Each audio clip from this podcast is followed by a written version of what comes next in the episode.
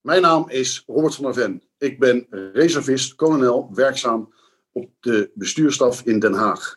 In deze podcast vertel ik alles over de kracht van reservisten en waarom ik denk dat reservisten voor de Nederlandse krijgsmacht absoluut van groot belang zijn. Het ministerie van Defensie. Een bedrijf met gepassioneerde, trotse en talentvolle mensen. In deze podcast verbinden wij deze mensen zodat ze samen sterker worden. Zoek Samen Sterker podcast en luister of kijk via YouTube, Gpal, iTunes, Spotify of Soundcloud. Nou, welkom uh, Robert hier in de podcast. Ja, Heb je er dankjewel. een beetje zin in? Ik heb er erg veel zin in. Ik vind het erg jammer dat ik niet bij je in de studio zit. Maar uh, ik zit in quarantaine, dus ik moet het via deze manier doen. Ja, nou, hey, um, als we het over adaptiviteit uh, hebben, hebben we dit volgens mij vrij snel uh, georganiseerd samen op afstand. Want ik zit wel uh, hier in de studio in Breda. en jij zit lekker thuis. Dus hartstikke goed, toch? Hartstikke goed, prima. Hartstikke goed. Um, nou, voor de luisteraar, de kijker, ik zit hier met Robert, van der Vel, Robert van der Ven, um, reservist, kolonel. Um, en ik wil het heel graag gaan hebben over, we willen met de krijgsmacht, voor een adaptieve krijgsmacht, uh, zo snel mogelijk, uh, en correct me if I'm wrong uh, Robert, zo snel mogelijk 20.000 reservisten aan ons, onze krijgsmacht toevoegen. Um, jij weet daar van alles over. Um, waar wil ik het met jou over gaan, gaan hebben? voordat ik jou dadelijk even het woord ge geef wie jij precies bent. Hè? je bent natuurlijk meer dan reservist. Um, wat is nou een reservist? Daar ben ik heel benieuwd naar. Wat is voor jou een adaptieve krijgsmacht? Uh, tegen welke, welke obstakels moeten er nog weggewerkt worden? Willen we echt die ambitie behalen? Uh, zulke soort zaken wil ik het met jou uh, over gaan hebben.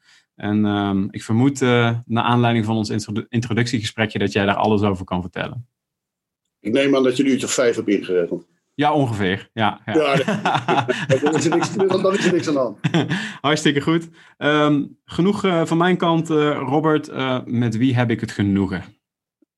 Robert van der Ven, ik ben ondernemer. Ehm, nou, laat ik eerder beginnen. Ik ben in 1990 ben ik in dienst geweest. Ehm, ben daarna gaan studeren. Ben na mijn studie naar het buitenland gegaan. En ben sinds heel lang, ik weet het niet eens meer, uh, ondernemer. Ik heb een bedrijf in Nederland en ik heb een bedrijf in Frankrijk. Ik pendel tussen die twee uh, bedrijven op en neer. En daarnaast ben ik um, deeltijds militair, mag ik dat al zeggen. Ben ik reservist, ben ik uh, bevlekt met het groene virus. Mm -hmm. ben ik reservist en hou ik me op dit moment, ik heb heel veel dingen binnen Defensie gedaan. Maar op dit moment hou ik me bezig met zeg maar de beleidsmatige kant van Defensie. Ja, hartstikke mooi. Ik ben ook heel benieuwd zo. Uh, ik hoor nu al een aantal dingen waar ik op aansla. Uh, vooral hè, dat de combinatie van ondernemer zijn. Ik hoor ook in het buitenland ondernemer. Dat in combinatie met het bevlekt zijn met uh, het militaire leven, om het zo maar te zeggen. Dus ik ben heel benieuwd hoe die twee zo in elkaar vallen. Um, maar om gelijk met de deur in huis te vallen. Wat is voor jou, wat betekent voor jou een adaptieve krijgsmacht? Wat is een adaptieve krijgsmacht volgens jou? Nou, vooropgesteld dat het een term is. En niet meer dan dat. Uh, in 2014 werd mij gevraagd, of werd ik en een aantal mensen gevraagd van joh, ga eens nadenken over het reservistenbeleid. En toen kwamen we er toch eigenlijk wel snel achter dat reservistenbeleid op zich uh, niet heel relevant is. Met die verstanden dat we kwamen erachter dat de wereld gaat zo ongelooflijk snel. Uh, er verandert zo ongelooflijk veel. Uh, het zijn maar een paar dingen, maar de Krim, nou, dan is er opeens corona. alles verandert heel snel. En, en daarop inspelen, dat vergt ja, flexibiliteit, adaptiviteit. Dat vergt toch een andere manier van denken. En daarnaast, dat is eigenlijk, was voor ons toen leidend. destijds waren het er 6000, nu zijn het er 10.000. Ik, ik, weet niet of de cijfers helemaal kloppen. Het, het, het, gaat een beetje op en neer. Maar de vacatures. Gewoon heel veel ondervulling binnen Defensie. Ja, ja. En dan ga je over nadenken. En dan denk je, hoe, hoe kan je dat nou gaan oplossen? En daar zijn reservisten een onderdeel van, het, uh, van de oplossing. En daar is de adaptieve krijgsmacht, denk ik, uh, the way to go. Ik denk, wat jij zei net, uh, uh, we willen een adaptieve krijgsmacht. Ik denk, we moeten naar een adaptieve krijgsmacht. Want Ja. op een andere manier, tenzij iemand een beter idee heeft. Want ik, ik luister naar iedereen. Als iemand een beter idee heeft, ben ik de eerste om mee te gaan. Maar ik denk dat er geen alternatief is. Omdat?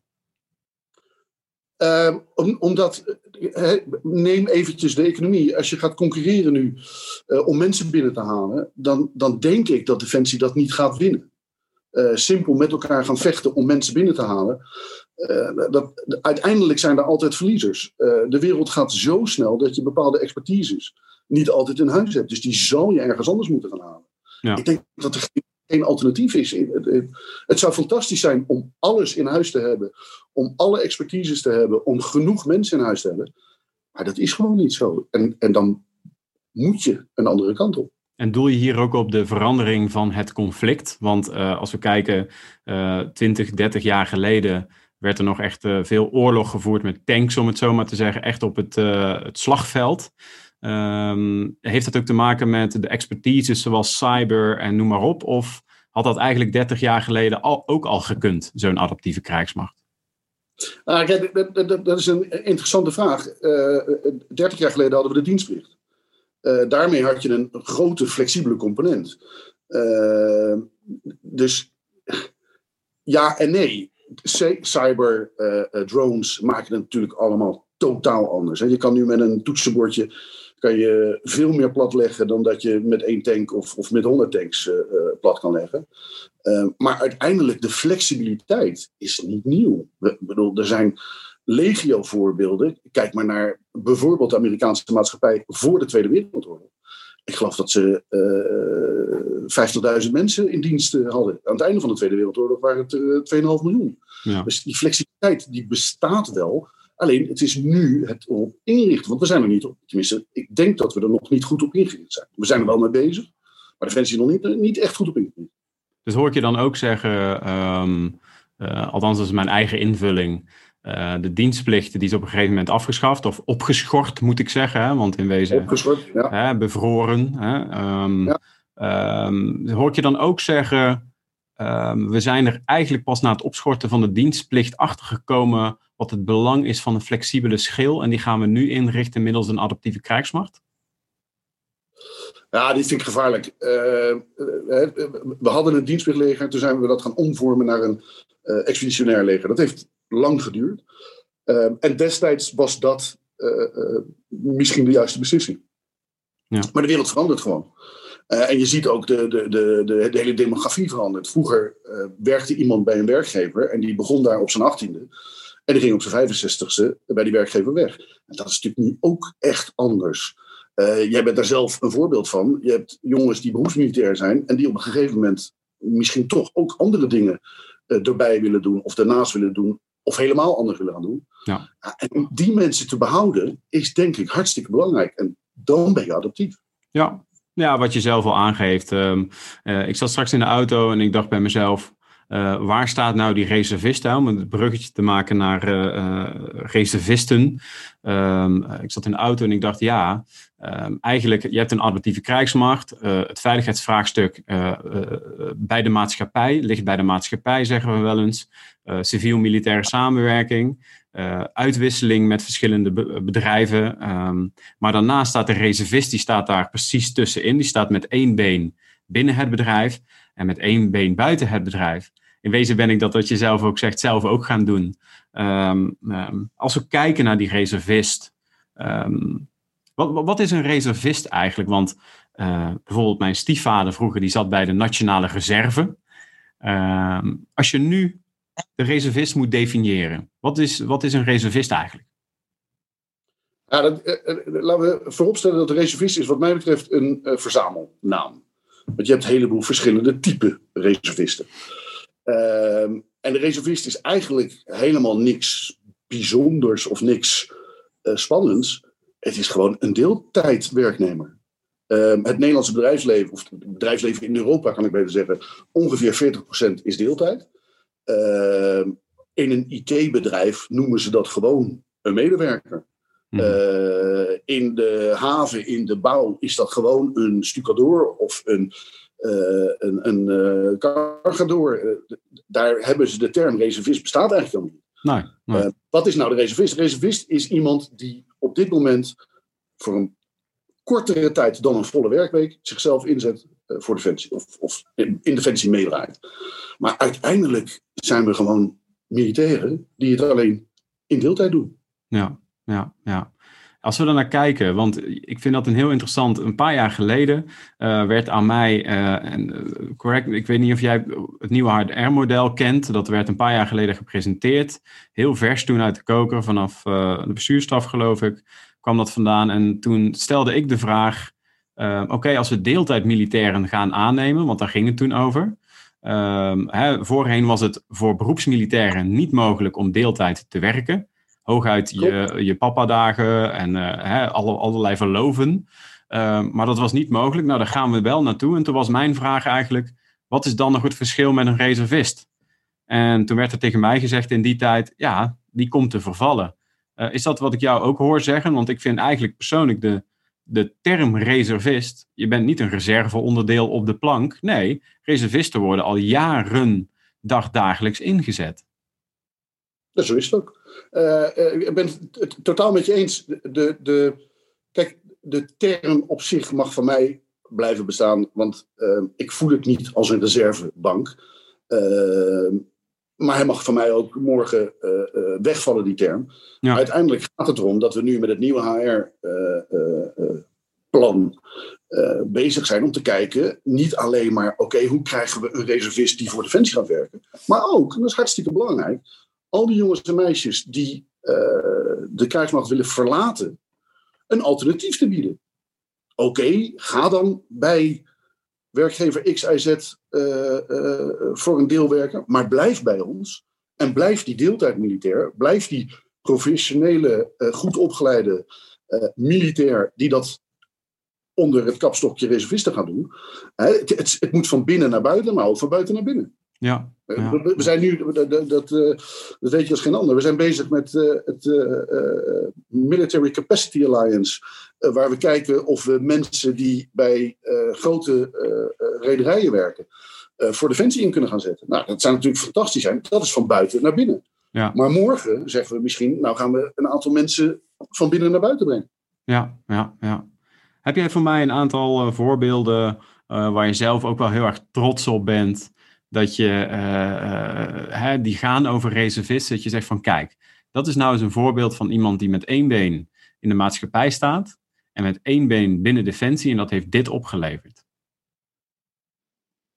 Ik heb wel een paar voorbeelden. Uh, um, even vooropgesteld dat ehm, ik vind elke reservist die gewoon een drukke baan heeft of een studie heeft en die zegt ik ga me daarnaast inzetten voor Defensie, daar ben ik al trots op. Dat vind ik al fantastisch. Ik vind het ongelooflijk. Dat is ook een van de mooie dingen van de Defensieorganisatie.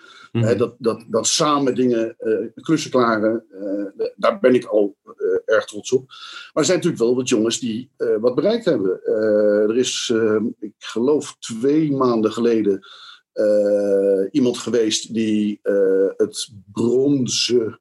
Ik weet nooit of het de bronzen beeld is of de bronzen ja, een, een, een hogere onderscheiding heeft gekregen van de landmacht. Dat was een reservist. Ja. Uh, er zijn reservisten die uh, op missie zijn geweest. Er zijn reservisten die echt wel uh, een goede en een duidelijke bijdrage hebben geleverd. En dan zijn er een paar die nu ehm, wel heel erg hard meehelpen om die adaptieve krijgsmacht vorm te geven. Ja. En daar ben ik wel heel erg trots op. Ja. Ik ben eigenlijk het meest trots op ons reservisten. Dat was pak een beet vijf jaar geleden, tien jaar geleden. Precies wat jij zei. Mijn vader zat bij de Nationale Reserves. Dat was een beetje Dead's Army. Dat was een beetje mannen in een pak die langs het hek uh, uh, liepen. Nou, ik geloof dat die opvatting, die zienswijze, die ligt echt totaal achter ons. En reservisten, ja, er is nog best wel veel zendelingenwerk te doen. We moeten best nog wel mensen overtuigen dat het professionals zijn. Mm-hmm. Overgrote deel van de krijgsmacht uh, heeft het omarmd en ziet de reservist als een professionele collega. En daar ja. ben ik echt het meest trots op. Ja, want dat was inderdaad een van mijn vragen, uh, Robert. Um, ik, ik, ben zelf beroepsmilitair geweest. Hè? Ehm, in die tijd, ehm, als ik bijvoorbeeld uh, hè, luchtmobiel of waar ik allemaal naartoe ben gegaan, dan moest je echt je baret verdienen. Dat, dat zijn allemaal van die kreten die in een cultuur ingebakken zitten om ook een groepsproces op gang te brengen. Um, ik las ergens in een uh, Kamerbrief uit 2017, die jij mij ook toegestuurd had, uh, las ik dat reservisten ook ingezet mogen worden indien, nood, of indien mogelijk voor gevechtsfuncties.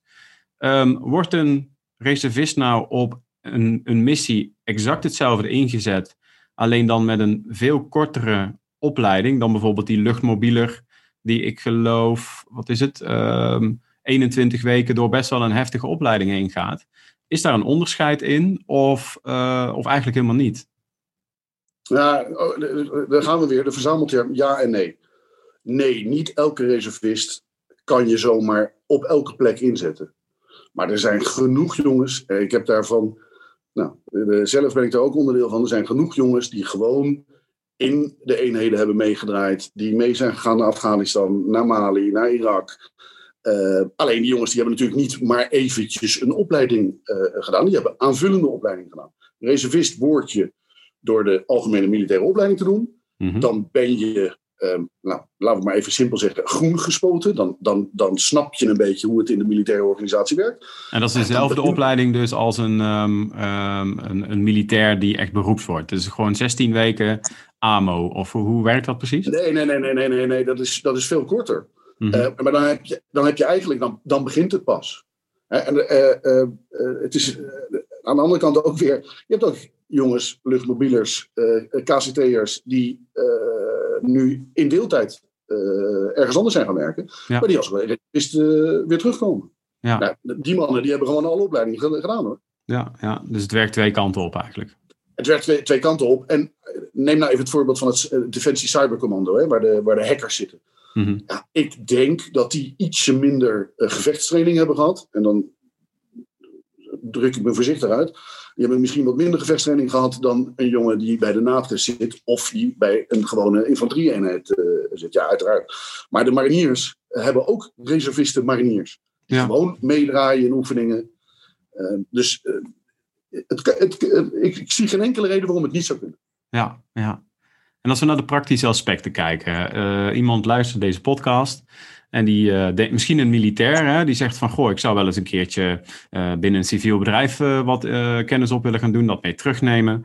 of iemand buiten de krijgsmacht die deze podcast luistert. Wat gaat er nou gebeuren als iemand zich morgen, die werkt op een consultancybureau, ik zeg maar wat. En die zegt van, goh, ik wil heel graag één of twee dagen in de week wil ik voor het ministerie van Defensie, ik wil, ik wil reservist worden. Wat gaat er dan gebeuren? Ja, uh, we hebben twee kanten op. Hè. We hebben van, van, van binnen naar buiten en van buiten naar binnen. Laten we even met buiten naar binnen beginnen. Werk, BBW werkt bij, bij Defensie. Daar staan vacatures. Daar schrijf je je in. Dan word je uitgenodigd. Kennismakingsdagen. Uh, dan gaan we je keuren. Dan gaan we je opleiden. En dan uiteindelijk ben je reservist. Dat is een traject dat duurt best lang. In ja. mijn optiek veel te lang. Ehm, dat is overigens ook voor de beroeps. We hebben moeite om op hele korte termijn onze mensen, reservist, beroeps, maakt niet uit, uh, goed aan ons te binden. Mm-hmm. uh, maar, maar, maar, de, maar de trajecten, die zijn er gewoon. Andersom bestaat nu ook uh, de beroepscorporaal, sergeant, maakt me niet uit wie. We, we, hebben een, een SINPUB, dat is een uitwisselingsprogramma voor bedrijfsleven naar Defensie. En andersom, Defensie naar het bedrijfsleven. Dan kan je eens een beetje snuffelen aan nou, hoe werkt het bij de KPN of bij de KPMG of bij de HTM? Het maakt me niet uit uh, welk voor bedrijf, maar, maar die, dat soort mogelijkheden bestaan er op dit moment. Ja, ja, ja. super interessant. En als we kijken um, uh, naar rechtszekerheid en dergelijke van reservisten. Um, uh, ik heb een document van je gelezen wat over HR-aspecten gaat. Um, gewoon even een aantal praktische zaken. Je kiest ervoor om reservist te worden. Dan krijg je een gedeelte betaald van je werkgever, een gedeelte van, van defensie. Hoe zit, zit, dat met ziektekosten en dergelijke, als je kijkt naar zulke soort zaken? Even nuance, als je reservist wordt, dan krijg je voor de uren dat je wordt ingezet gewoon door defensie betaald. Mm -hmm. En de uren dat je niet wordt ingezet, word je, als je bij een andere werkgever werkt, door die andere werkgever betaald. Er zijn ook heel veel uh, studenten, ja, die worden niet betaald. Uh, die hebben misschien een studiefinanciering, uh, maar die worden voor hun inzet, inzet bij Defensie gewoon netjes betaald. Ja. Het gaat over de ziektekosten. De ziektekosten, daar zit nog een verschil tussen de beroepsmilitair en de reservist. Ja. Want in Nederland hebben wij gewoon een ziektekostenverzekering. en als jij niet in actieve dienst bent, dan maak je daar gebruik van. Als je echter in actieve dienst bent, dan maak je gewoon van alle faciliteiten van Defensie gebruik. En dan kan je dus gewoon naar een Defensie uh, medische dienst gaan en daar kan je uh, je laten verzorgen. Ja. en ook als je, als je wat overkomt, dan word je gewoon door Defensie opgepakt. Ja, ja, ja, ja, ja. En is het ook zo dat op het moment dat je ervoor kiest om reservist te worden, moet je dat dan melden bij je werkgever? Dat is een interessante vraag. Uh, nee, je moet helemaal niks. Dat mag wel. En je mhm. ziet steeds meer uh, dat we met Defensie ook proberen om werkgevers te benaderen, zodat we gezamenlijk uh, die werknemer hebben. Ja. uiteindelijk zijn er mensen die ervoor kiezen om een werkgever niet te informeren. Maar er zijn ook bedrijven die eisen dat je nevenwerkzaamheden uh, meldt. Mhm. En Defensie bijvoorbeeld vraagt ook, ja, als jij werkzaamheden uitvoert die mogelijk in conflict zouden kunnen komen of in conflict staan tot de werkzaamheden die je bij Defensie doet, dan moet je dat melden. Ja, ja, ja. Maar, maar het moet je melden aan je werkgever, nee, dat, dat is niet, niet aan de orde. Dat is niet aan de orde. Ah, interessant. Ja, ja. Maar goed, nogmaals, ik moet altijd opletten met dit soort uitspraken, want er zijn gewoon werkgevers die het eisen. Ja, ik, ken toevallig, ik ken toevallig een groot advocatenkantoor. Daar is het verboden om op wintersport te gaan. Uh, Een aantal ziekenhuizen in Nederland, dan mogen de artsen niet op wintersport. Ja, zo'n been breken is, is een dure gat. Nou, ik zou me zomaar kunnen voorstellen dat die bedrijven zeggen: ja, uh, bij Defensie werken mag ook niet. Dat weet ik niet, maar ik die bedrijven. Maar het zou, het zou kunnen bestaan. Ja, ja. In het voorgesprek, Robert, hadden wij het erover uh, dat er ook nog wel wat obstakels overwonnen moeten worden. Want um, uh, we hebben gewoon een adaptieve krijgsmacht nodig, gaf je net ook aan. Um, welke obstakels uh, liggen er op dit moment nog? Welke moeten we overwinnen om de reservist op een zo snelle, efficiënte manier te integreren bij ons in het bedrijf? En vooropgesteld dat het integreren van de reservist is voor mij niet een doel op zich. Voor mij is het voortzettingsvermogen van de krijgsmacht absoluut leidend. Je ziet nu dat we met alle vacatures die we hebben, met de beperkte financiële middelen die we hebben, dat we echt voor keuzes staan. En we is het leiderschap van Defensie. Het leiderschap is het politieke leiderschap, is het ambtelijke leiderschap, is het militaire leiderschap. En daar zie je nog wel veel uh, verschillende belangen, laat ik het maar zo zeggen. Of je ziet dat uh, de ene kant naar links wil en de andere kant naar rechts uh, wil. Ik denk dat dat is een van de belangrijkste punten nu. Dat voortzettingsvermogen van de krijgsmacht zullen we op een bepaalde manier moeten kunnen gaan borgen. De adaptieve krijgsmacht is wat mij betreft daar een onderdeel van. En daar weer een groot onderdeel van is het reservistenbestaan. Uh, uh, en dat betekent dat je keuzes moet gaan maken. Je kunt niet meer zeggen: uh, ik wil over alles zelf beschikken, ik wil alles zelf hebben. Je zult moeten gaan samenwerken met partijen buiten Defensie. Ja, ja. Je zegt net uh, verschillende uh, belangen. Um, ziet iedereen het, de noodzaak dan wel in zoals jij hem nu poneert? Ja, uh, dat weet ik niet, want ja, ik heb het niet aan iedereen gevraagd. Dus ik kan op die vraag geen eerlijk antwoord geven. Wat ik wel, kan, wat ik wel zie, is dat Defensie komt natuurlijk uit een cultuur van nou, pak een beet 30 jaar bezuinigen. En misschien overdrijf ik het een beetje, maar het is in die orde van grootte. Er is natuurlijk altijd bezuinigd. Ja. En die, die bezuinigingscultuur is ook een cultuur uh, waarin je vecht voor datgene wat je hebt. Ja, ja, Want als je het weggeeft, dan krijg je het niet meer terug. En dat betekent dat mensen soms, denk ik, uh, liever proberen te behouden wat ze hebben. Of repareren wat ze hadden, in plaats van kijken hoe het anders kan. Ja, en Dat, botst, dat botst wel met elkaar. Denk, ik, ik, ik zie wel gebieden waar je uh, ongelooflijk de, de oude manier ziet. Hè? Ik heb wat ik heb en daar mag niemand aankomen. Ja, ja. Eh, en als je het al kwijt bent, ik had iets, dat moet ik eerst terug hebben en dan wil ik pas verder praten. Terwijl ik denk dat we echt moeten gaan kijken naar een andere manier van ons organiseren. Ja. Ik bedoel, uh, de, de Robert van der Ven heeft het nu over legervorming en dat is natuurlijk niet mijn uh, mandaat of, of verantwoordelijkheid. maar ja, ik denk dat we daar wel met z'n allen meer naar moeten gaan kijken. We wat, denk je dat, wat denk je dat wij nodig hebben daarvoor? Wat zou jou gewoon vanuit Robert, als je s'avonds op de bank zit en je zit daarover te filosoferen, wat, wat, wat, wat hebben wij morgen nodig om bepaalde obstakels weg te werken? Want uh, het is en blijft een grote organisatie, ergens ook wel bureaucratisch. Um, uh, wat, wat, wat, wat, denk je dat wij nodig hebben? Ja, dat is een goede vraag. En uh, het is een beetje een flauw antwoord. Maar ik denk dat het allerbelangrijkste is dat we een gezamenlijk beeld van dat puntje op de horizon met elkaar creëren.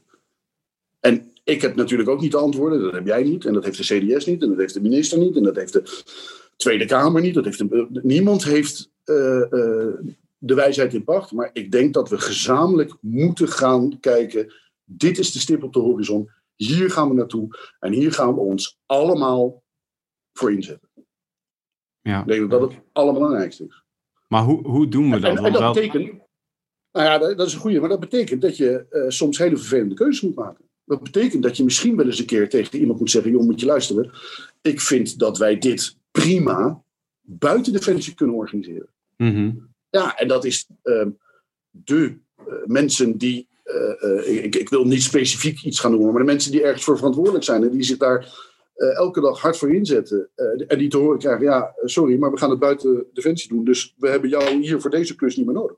Ja. Dat is wel lastig. Ja, ja. Dat, zijn, dat zijn zware keuzes. Ja. Uh, twee, het tweede is, en dat is ook best lastig, we moeten misschien tegen mensen gaan zeggen: ja, jij wil nu met jouw eenheid zoveel miljoen hebben om dit en dat te gaan doen. Maar we maken een andere keuze. We gaan het ja. niet doen. We, gaan, we, gaan, we, we zetten meer op. het, is, het is frappant dat je de laatste nou, drie jaar hoor ik eigenlijk het belangrijkste van Defensie is personeel, personeel en oh ja, personeel. En als je dan gaat kijken waar de financiën naartoe gaan, dan is personeel de grootste post. Daar zijn we het over eens. Maar ik zie toch ook wel heel veel dingen waarin we die ambitie om die, nogmaals, dat voortzettingsvermogen van Defensie te waarborgen, ja, die worden soms op andere vlakken ingezet. Ja. Keuzes, keuzes, keuzes. Keuzes maken, ja. ja. Wat is jouw persoonlijke, uh, of persoonlijke missie vanuit je rol en dan vanuit Robert? Um, wat is jouw persoonlijke missie? Waar ga jij, uh, wat is jouw dossier waar je je nu mee bezighoudt? Ik hou met, met, met ja.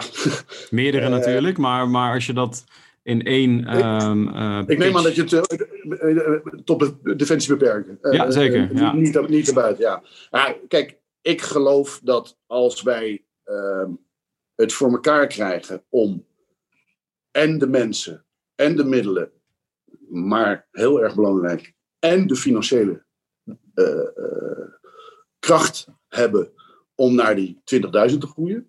Mm -hmm. Ja, dat, daar sta ik voor op. Daar, daar ben ik mee bezig. Ja, ja, ja. Um, als we kijken, um, wat mij ook heel de tijd. Er zijn natuurlijk landen. Uh, ik geloof dat Zwitserland die heeft een, uh, een leger wat helemaal uit reservisten bestaat, hè, volgens mij. -hmm.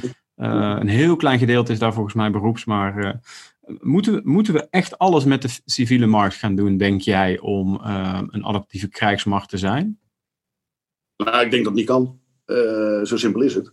Ik denk dat er een heleboel gebieden binnen Defensie zijn die je echt met militairen moet doen. En die kan je niet met de markt doen.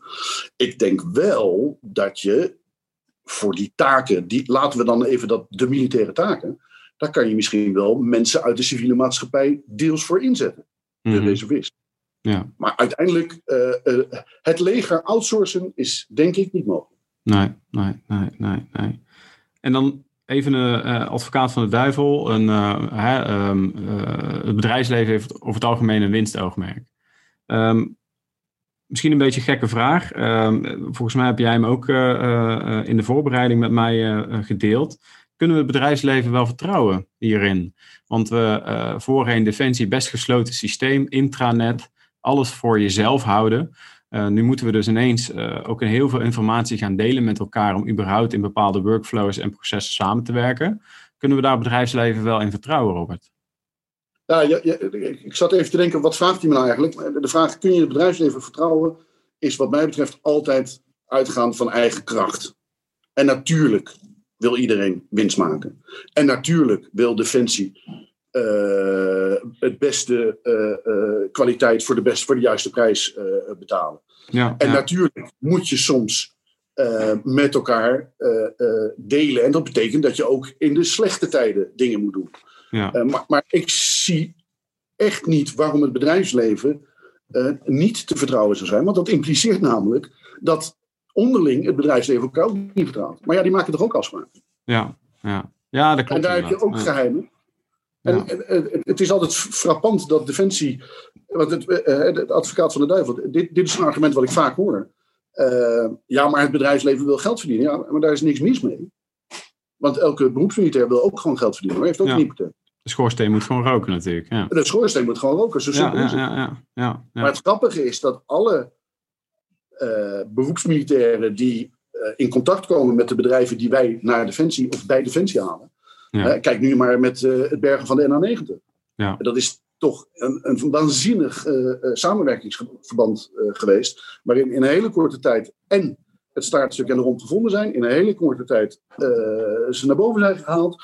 En as we speak vandaag nou, binnen worden gehaald. Ja, dat is wel een samenwerking die, die maar ik moet heel eerlijk zeggen dat ik dat niet hardop durf te zeggen. Maar ik denk dat Defensie in zijn eentje dit niet zo snel voor elkaar had gekregen. Nee, nee, nee, nee.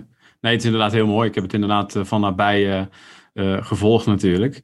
En ik denk ook wel een heel mooi momentje. Want ehm, je weet er al een klein beetje van. We zitten natuurlijk op een afstand. Dus ik ben echt aan het, een beetje aan het prutsen met allerlei techniek. Niks voor mij, maar deze keer ben ik aan het prutsen. Ik heb een, een videootje voor jou, dus ik ga even mijn scherm met jou delen. We hebben hier de meneer die onder andere ook meegewerkt heeft aan het bergen van de NH90. Daar komt hij voor je. Robert, ik ben gevraagd om uh, een paar woorden naar jou te richten. Ik heb gehoord dat je in een podcast zit, waarvan ik denk dat het echt supergoed is. Deze podcast die uh, helpt en draagt bij aan de Total Force. En als er iets of iemand bouwt aan deze Total Force en de adaptieve krijgsmacht, dan ben jij het. Nou, vanaf deze actielocatie um, wil ik je laten weten dat het voor mij een zeer waardevolle collega bent. Uh, en ik denk inmiddels meer dan dat. Ook een goede vriend. Ik uh, kan op je vertrouwen, kan op je bouwen. En samen hebben we een aantal stappen gezet uh, in de adaptieve krijgsmacht. Maar ook jij, juist met het reservistenbeleid, waardoor we deze dingen kunnen doen die we vandaag de dag doen. En daar mogen we trots op zijn met elkaar. En jij mag er zeker trots op zijn. We hebben een uitdaging op naar 20.000 reservisten. Ik weet zeker dat het gaat lukken. En ik weet zeker dat je met jouw insteek, denkwijze en voortgang de komende jaren nog heel ver zullen gaan komen. Om die reden hoop ik ook dat wij eh, in de toekomst, of het nu nabij is, of later, nog veel dingen samen mogen doen. En dat we met elkaar Total Force een stukje sterker maken en met elkaar streven naar dat doel, wat voor ons ultiem is, namelijk civiel-militaire samenwerking in de optima forma. Nogmaals veel dank en keep up the good work, vriend. Dankjewel. Groeten, Pepijn. Ah, leuk. Leuk. Hartstikke ja? leuk. Ja. Pepijn Verstand voor de, voor de luisteraars. Volgens mij is het overigens ook de vorige podcast geweest, als ik me niet vergis. Dus um, ja, wat betekent dat voor jou? Hij heeft je heel hoog staan, uh, als ik dat zo uh, hoor, uh, Robert. Nou, het is altijd leuk als mensen iets, over je, iets positiefs over je zeggen. en soms is het ook leuk als ze iets negatiefs zeggen. Pepijn en ik gaan, ik weet het niet eens, ik denk een jaartje of zeven, acht terug. en hij is ook een, een, een vernieuwende denker. Een, een, iemand die, die, die, ja, die ongelooflijk gepassioneerd is in het kan ook op een andere manier. Uh, en ja, daar, daar vinden we elkaar uh, absoluut. absoluut. Ja, mooi. Mooie woorden van hem ook. Heel gaaf. Ja, heel tof, heel tof. Ja, ik, ik uh, Hij was wel erg complimenteus, laat ik het daar maar uh, op houden. of kun je slecht ontvangen? Dat kan ook natuurlijk, hè? Ja, ik ben, ik ben, ja misschien is dat het ook. hartstikke mooi, hartstikke mooi. Hey, we hadden het natuurlijk net over de Maritime Capacity Alliance, moet ik het goed zeggen. Uh, het bergen van de, van de helikopter die neergestort is. Ja. Heb jij nog een aantal meer succesverhalen, ehm, voorbeelden waar je zelf wel heel erg trots op bent? Je zei net al in het begin van, goh, ik wil ook geen anderen uitsluiten. Maar om mensen toch even te inspireren, ook de beroepsmilitair, uh, die eigenlijk niet zo heel veel weet van die samenwerking, heb je er een paar die we misschien allemaal wel kennen, maar waar we niet direct aan denken? Nou, ik denk dat, dat uh, heel veel uh, beroepsmilitairen het, het, wel weten. Hè, pak maar de, de, de, uh, het samenwerken in, in logistiek met een groot bedrijf DSV, een van de grootste transporteurs van, van Europa. kijk naar hoe we de corona, daar is het andersom geweest, hoe we daar de civiele maatschappij ondersteund hebben. Mm-hmm. er zijn natuurlijk legio voorbeelden, klein en groot, waarin je die samenwerking al ziet. We hebben onlangs met Capgemini een, een convenant getekend waarin we uh, mensen gaan uitwisselen. we zijn met een aantal bedrijven uh, hebben we een soort handleidingen gemaakt waarin uh, de werkgever, maar ook de reservist en defensie gewoon makkelijker kan terugvallen op van hey, maar, maar hoe zijn eigenlijk die afspraken tussen ons drieën gemaakt? Als ja. die er al zouden zijn. er zijn legio voorbeelden te noemen, maar het zijn allemaal nog steeds voorbeelden. Het zit ja. nog niet uh, ingebakken in de organisatie. Nee, nee, nee. Nee, daar heb je ook al een klein beetje aan gerefereerd. En daar, je, je gaf dus ook aan, daar moeten keuzes, daar moeten keuzes in gemaakt worden. We moeten, uh, uh, en volgens mij zei je net ook van, oké, we moeten daar wel vaart in gaan maken, want dat is wel belangrijk. Ah, kijk, je ziet het, je ziet het nu op een aantal vlakken. Uh, Oké, we willen groeien naar reservisten. Dat wil ik, of tenminste, ik heb dat niet verzonnen. We hebben gewoon gekeken met alle krijgsmachtdelen, de luchtmacht, de landmacht, de marine. Uh, waar willen we staan in, in, in, in inzet van reservisten? Nou, dan, dan kom je op zo'n rekensommetje. Uiteindelijk, het gaat al 20.000 komt er te staan. Maar ja, daar moet je dan wel centjes voor hebben. Ja, ja, ja. En ik kan me heel goed voorstellen dat die krijgsmachtdelen, ja, die hebben duizend en één dingen op hun lijst staan die gedaan moeten worden. Uh, en, en die maken daar vandaag ook keuzes. Mm -hmm. uh, dat zijn misschien niet altijd de keuzes die ik zou willen dat ze maken, maar, maar uh, gelukkig zit ik niet op die posities. Ehm, maar, maar dat is een beetje wat ik bedoel. Hè. Je, je, als je naar 20.000 wil groeien, dan, dan, moet je daar ook de middelen voor hebben. Dan moet je daar ook op inzetten. Dan moet je ook zorgen dat als die mensen bij je binnenkomen, dat je ze dan ook nou, een, een warm deken uh, uh, biedt. Dat je ze niet laat bungelen en na uh, een jaar haken mensen af. Dat geldt overigens ook voor de beroepsmilitairen. Mm -hmm. En dat betekent dat je, en dat is maar een hele simpele, dan moet je misschien ook keuzes gaan maken over hoe keuren wij vandaag eigenlijk? En, en, en op wat voor, een, wat voor keuringsprotocollen hebben we? En zijn dat altijd de juiste keuringsprotocollen? Vroeger was Defensie, in mijn optiek, vroeger was Defensie een organisatie waarin als je daar binnen wilde komen, dan moest je een heleboel dingen kunnen. En je moest zo hard kunnen lopen en je moest uh, zoveel kunnen opdrukken en je moest dit en je moest dat. En dan zei Defensie, oké, okay, wij hebben een baan voor je. Je zou natuurlijk kunnen gaan kijken, wat brengt die persoon? En wat kunnen wij ermee? Ja. En dat zou betekenen dat je misschien op een andere manier moet gaan keuren. Ja. En ik, heb al, ik heb altijd gezegd, die, die uh, uh, Hawking, de, de, de, de astrofysioloog, nou, de, de, meest slimme man van de wereld ongeveer. Ja, in die rolstoel, die, die, man. Ja, ja. In, in, die rolstoel, die alleen maar met, met zijn uh, mond een computer kon uh, uh, bewerken. Als die zich had gemeld bij Defensie, ik had hem meteen aangenomen. Ja. ja. alleen voor zijn geest en niet vanwege zijn lichaam. Dus meer gaan denken vanuit talenten dan vanuit, vanuit rollen eigenlijk. Jij zegt het mooier dan ik. Ja, ja. hartstikke mooi. Hey, langzaam een klein beetje kabbelend naar het einde, Robert. Um, als je kijkt naar jou als persoon. Je, je gaf net al aan, um, um, een bedrijf in Frankrijk, zei je toch? Ja. Bedrijf in Frankrijk en Nederland. Je bent ondernemer. Je, je bent ook uh, beroepsmilitair geweest, zei je ook volgens mij. Nee, nee, nee, nee, nee, nee. Dienstplicht. Dienstplicht. Dienstplicht, heel goed. Dienstplicht. je had het ook over dat dat virus, dat je daarmee besmet bent, het militaire virus. Zou je daar eens iets over kunnen vertellen? Waar, wat maakt dat jij zo graag als reservist voor Defensie werkt? Ah, ja, dat, dat, begint, denk ik, heeft bij mij zijn oorsprong in, uh, in mijn diensttijd. Uh, Defensie is jammer genoeg, de dienstplicht bestaat niet meer. Dat is een persoonlijke mening. Ik denk dat het hartstikke goed is voor de maatschappij. Maar het was een organisatie destijds waarin een Turkse jongen, een Marokkaanse jongen, een Surinaamse jongen, een Friese jongen, een Maastrichtse jongen, een, verzin het maar, allemaal bij elkaar in een eenheid kwamen. Daar leerde je van elkaar. Daar had je niet een jongen die een Gucci-petje op had en een jongen die een dasje of een strikje om had. Nee, we hadden allemaal datzelfde pak aan. En we moesten allemaal dezelfde zware dingen doen. Dat is natuurlijk ongelooflijk bijzonder. In het bedrijfsleven bestaat dat niet. In het bedrijfsleven word je niet in een overal gestopt en, en moet je met elkaar afzien. Dat, dat, is alleen bij Defensie. Ja die, dat, dat kameraadschap, dat, dat samen een klus klaren, samen soms ook best wel dingen doen die over de grens, dat bedoel ik niet dat ze over de grens zijn, maar die over je eigen grens gaan. Ja. Die grenzen verleggen. En dat is natuurlijk fantastisch in de Defensie. Ja, ja, ja, en dat is iets wat jij dus eigenlijk wel heel erg miste ook, zeg je. Nou ja, ik, ik weet niet of. ik bedoel, jij bent zelf een voorbeeld daarvan. ik denk dat het best moeilijk is voor al die jongens en meisjes die Defensie verlaten.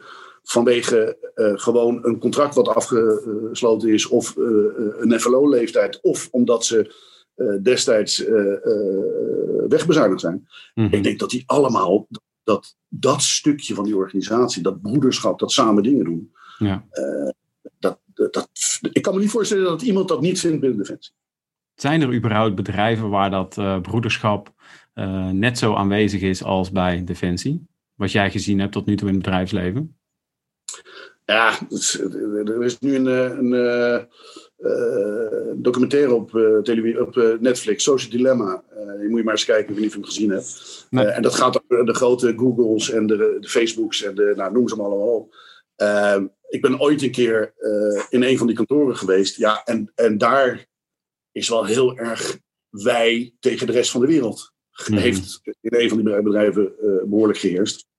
Ik geloof dat het, zal zeker wel bestaan. Ik, ik, uh, ik ken natuurlijk niet alle bedrijven. Maar ik denk dat krijgsmachten wereldwijd, dat stukje, dat is toch wel een beetje een. daar hebben ze een beetje het monopolie op. Ja, dat, ja. Dat, dat, samen die klus uh, klaren, dat broederschap. En, uh, en zodra het natuurlijk echt spannend wordt en als de kogels om je oren komen, ja, dat uh, hebben niet zo heel. Ook daar zijn wel bedrijven die eh, actief zijn. Maar ik denk dat het toch echt aan defensieorganisaties voorbehouden is. Ja, ja. Hey um, Robert, um, zijn er nog dingen um, uh, die ik vergeten ben? Dat je zegt van, goh, ik heb nog wel een boodschap voor Defensie. Dingen waar we nog niet over gehad hebben voordat we echt naar de afronding gaan.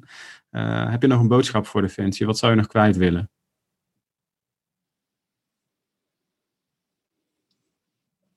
Best een moeilijke vraag. Um, nou, als we eenheid van opvatting hebben over het feit dat dat voortzettingsvermogen het allerbelangrijkste is. En als we eenheid van opvatting hebben over het feit dat we dat moeilijk op dit moment kunnen waarborgen. Dan denk ik dat het ongelooflijk belangrijk is dat we serieus met elkaar gaan kijken. Wat hebben we echt zelf nodig? En dan keuzes maken in wat we misschien op een andere manier eh, de beschikking over zouden kunnen krijgen. Ja. Ja. Dat, dat zou mijn boodschap zijn. Het is wel een hele. Uh, Abstracte misschien nog. Het is wat abstract en ik trek ja. een grote jas aan. Uh, maar ik geloof, ja, weet je, ik heb het al in het begin gezegd. Keuzes maken is zo ongelooflijk belangrijk. Maar misschien ja. heb ik wel een opvatting en misschien heb ik wel een visie die helemaal niet aansluit bij, uh, bij heel veel mensen. Ja, Mochten mensen um, heel erg de neiging hebben uh, om op, um, uh, op, dat, uh, op die opmerking in te gaan, die denken van ja, we moeten keuzes maken, maar ik heb geen idee hoe we dat moeten doen. waar kunnen die mensen zich dan tot richten? Natuurlijk tot jou, ah. denk ik. Nou ja, je mag je altijd tot mij richten, dat is geen enkel probleem. Mm -hmm. In de bestuursstaf heb je een onder de DAOG de directie DAOG, heb je een, een, een, bureautje BRES, Bureau Reservisten en Samenleving. Mm -hmm. Die zijn er mee bezig. Maar je begon net al helemaal aan het begin. het transitieteam is natuurlijk alleen maar hiermee bezig. Ja. Het transiteam, uh, ooit zijn we begonnen met, ik geloof, twee man. en dat zijn er nu alweer veel meer. En je ziet dat wel tot, tot ontwikkeling komen. Ja. maar uiteindelijk is het natuurlijk ook binnen je eigen eenheid en binnen je eigen organisatie. Durf anders te denken. Durf te kijken, hoe kan het ander? Of, of hoe kan het beter? Ja, en als het niet beter kan, en als het niet beter hoeft, ja, dan, dan, dan, uh, dan niet.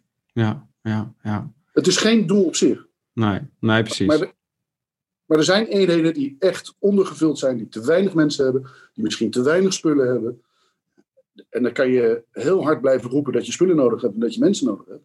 Ja, je kan ja. ook gaan kijken, hoe kan ik het op een andere manier oplossen? Waar kunnen mensen, uh, als ze zich morgen aan willen melden um, als reservist, hoe doen ze dat dan? Uh, de, de, de simpelste manier is gewoon www.werkenbijdefensie.nl. Check. Alright. En vandaar gaat het, uh, gaat het proces lopen. Ja.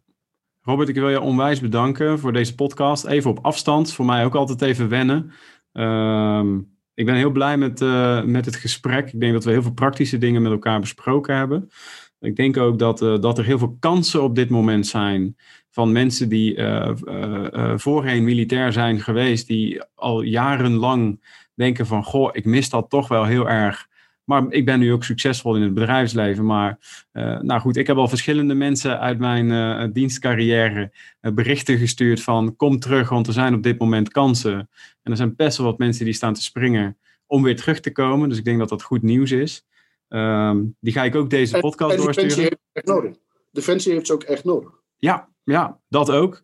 Dus super bedankt voor deze, uh, deze podcast. Super veel mooie praktische informatie en ook dingen um, die nog beter kunnen. Um, en dan wil ik jou onwijs bedanken, Robert. Top. Geen enkele Yes. dank. Ik vond het hartstikke leuk om te doen. Alright. Dankjewel. Dankjewel. Hoi. Zoek Samen Sterker podcast en luister of kijk via YouTube, Gpal, iTunes, Spotify of Soundcloud.